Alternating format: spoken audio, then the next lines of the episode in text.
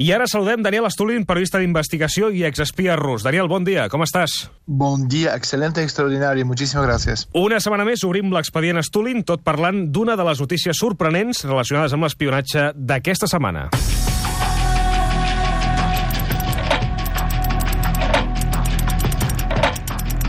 Expedient Stulin. Avui, ser espia al segle XXI. Les aplicacions mòbils de fitness que permeten als usuaris controlar la seva activitat física podrien estar revelant informació confidencial dels Estats Units. L'empresa Strava ha fet públic un mapa anomenat Global Heat Map on es poden veure les zones del món on més gent fa esport. La sorpresa ha arribat quan, a part d'il·luminar-se grans ciutats d'Europa i els Estats Units, també han aparegut punts de llum en diversos països en guerra, deserts o zones on teòricament no hi viu ningú. Aquestes traces de llum es corresponen, aparentment, amb els recorreguts que estarien fent soldats usuaris d'aquestes aplicacions. Daniel, ¿es una anécdota o es un síntoma?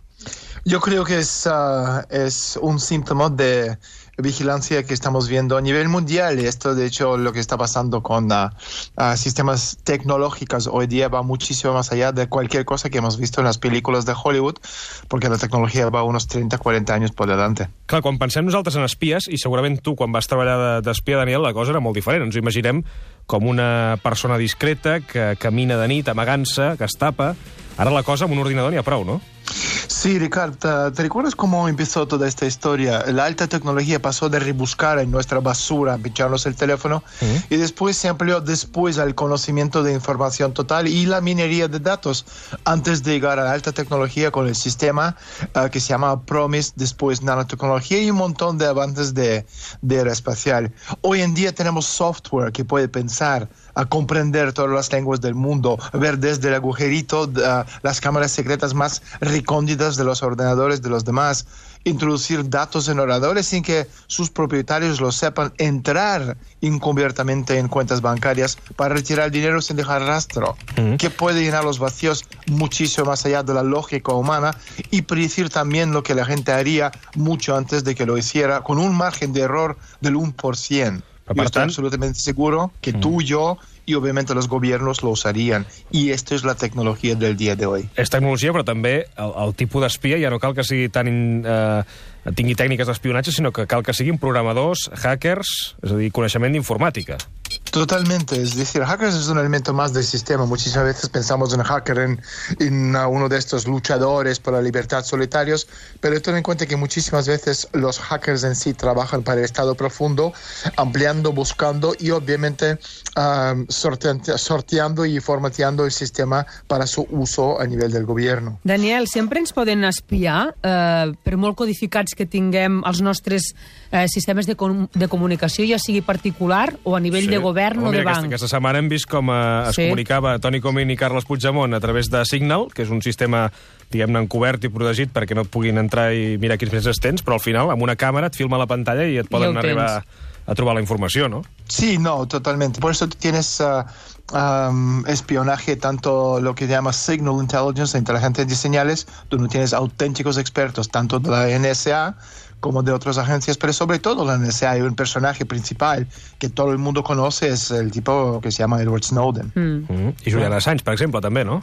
Bueno, el caso de los dos es muy interesante, pero el caso de Snowden sobre todo, fíjate, la filtración masiva de documentación de la NSA por parte de la gente de la CIA convertido en contratista de la NSA, que es Edward Snowden, Uh, seguramente era parte de una operación de Langley, que es el epicentro de la CIA, para poner al descubierto uh, las enormes capacidades de vigilancia que tiene la NSA y la exposición de las operaciones de la NSA podría haber sido provocada porque estaba poniendo en peligro uh, operaciones extremadamente sensibles y también potencialmente ilegales de las áreas de la CIA dedicadas a las actividades bancarias, las finanzas, chantaje sexual y, y por supuesto, trato de personas.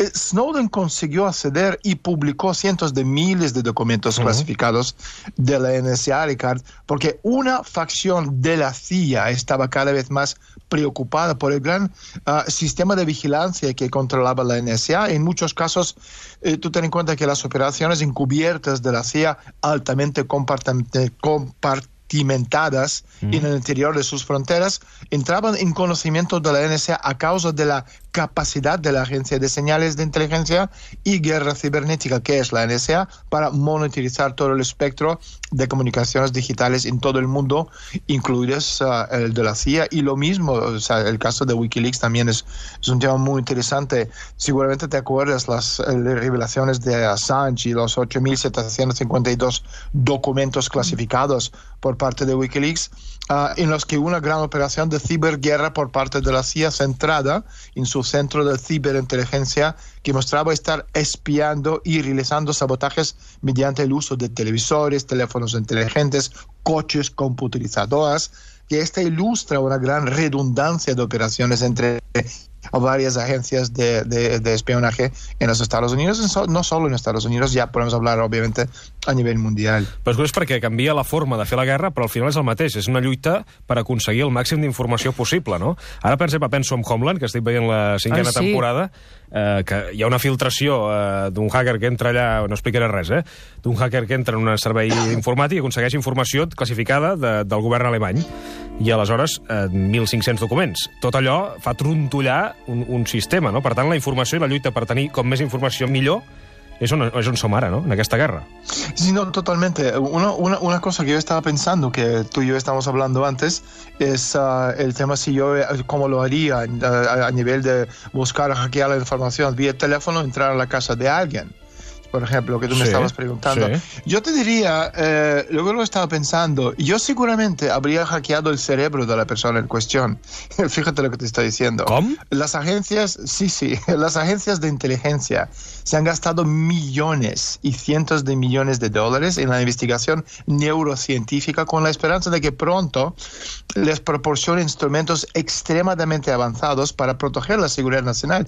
Tú me estás hablando de Homeland, de la, de, de la serie de televisión, pero hay una sin fin de series en Netflix que están saliendo que están hablando justo de esto, la capacidad de hackear el cerebro de las personas, porque el alcance de la tecnología es tan alucinante, está muchísimo más avanzada lo que los gobiernos admiten. Fíjate, en el año 2013, Barack Obama, como presidente de Estados Unidos, uh -huh. autorizó un proyecto Manhattan de 10 años para elaborar el mapa del cerebro humano. Y esto sin hablar de las armas de energía, las ¿Cómo? armas psicotrópicas, otras un mapa del diseñadas para... Sí, hombre, te digo de que la humanidad se encuentra al borde de una guerra psicotrónica centrada en la mente y el cuerpo y las armas psicotrónicas son aquellas que pueden eliminar o sustituir los recuerdos del cerebro humano. Esto no es una novedad del Pentágono. Se había llevado a cabo una investigación relativa a una posible guerra psicotrónica entre la Unión Soviética y Estados Unidos. Estamos hablando de hace 40 o 50 años. Mm. Y el proyecto se llamaba Proyecto Pandora y estaba dirigido por la División de Psicología de la Sección de Investigación Psiquiátrica del Instituto Walton Reed del gobierno I això americano. com funcionaria, I... Daniel? És a dir, netejar el cervell de, de, la, de, de la possible víctima, diguem-ne, a nivell de xip, com, com ens ho hem d'imaginar? Tú puedes hacerlo de muchísimas formas. Obviamente, una forma es chips directamente que están instalados en el cerebro, pero también a nivel de armas a larga distancia, y esto es lo que ah, estaba investigando Pandora, porque el proyecto se inició después de que Estados Unidos averiguara que el gobierno soviético había sometido a misiones de microondas a la embajada de Estados Unidos en Moscú entre los años 53 y 76. Así wow. que imagínate la capacidad tecnològica que existe hoy dia. I aleshores, per exemple, serveis com de telefonia i internet, com Apple o Windows, col·laboren amb els serveis secrets? Oh, that's a good, that's buena pregunta. Tú ten en cuenta que los documentos de Wikileaks indican que empresas como Microsoft, Apple, y no solo ellos, sino los demás, IBM y otras también debilitan deliberadamente la seguridad de sus productos. Hemos visto ya, hay varios juicios en marcha ahora mismo en Estados Unidos, pero todos estos, ellos son parte del complejo militar industrial. Mira, por ejemplo, Jeff Bezos, el propietario de Washington Post y también de Amazon. Se trata, más allá de todo esto, es de tener control. Y el control se hace a punto de pistola. La élite prefieren que te sigues pensando que el control se ejerce cuando tú votas a un partido o el otro, pero el sistema está centralizado. Y en inglés se llama Central Banking Warfare Model. Es decir, los bancos imprimen el dinero, hoy por hoy anualmente mil billones de dólares para que funcione la economía mundial y el gobierno te apunta con la pistola para hacerte cambiar tus recursos naturales por los papelitos de colores que no tienen ningún valor. No estamos de acuerdo. Veremos las aventuras de OTAN y la USA en nombre de democracia y paz a nivel mundial y ellos controlan los medios, los bancos, la política, las instituciones principales y obviamente Big Data que les permite aplicar sanciones financieras contra los estados que no están de acuerdo con sus políticas. Y Apple, IBM y Microsoft, etcétera, forman gran parte de este control de información. Se llama Consejo o parte del, del control militar industrial del, del imperio. Um, sorprenent la notícia aquesta setmana, que vam saber que hi havia una aplicació que tu la obries i veies unes zones del món il·luminades uh, i la sorpresa era que eren zones que no estaven habitades i, per tant, uh, on no viu ningú i aparentment eren aquestes, aquests recorreguts que estarien fent uh, soldats usuaris d'aquestes aplicacions i a través d'aquesta notícia doncs, el Daniel Asturias ha fet una masterclass sobre, sobre espionatge. Daniel, fins la setmana que ve. Muchísimas gracias. Un fuerte abrazo. Fem una pausa i ara tornem.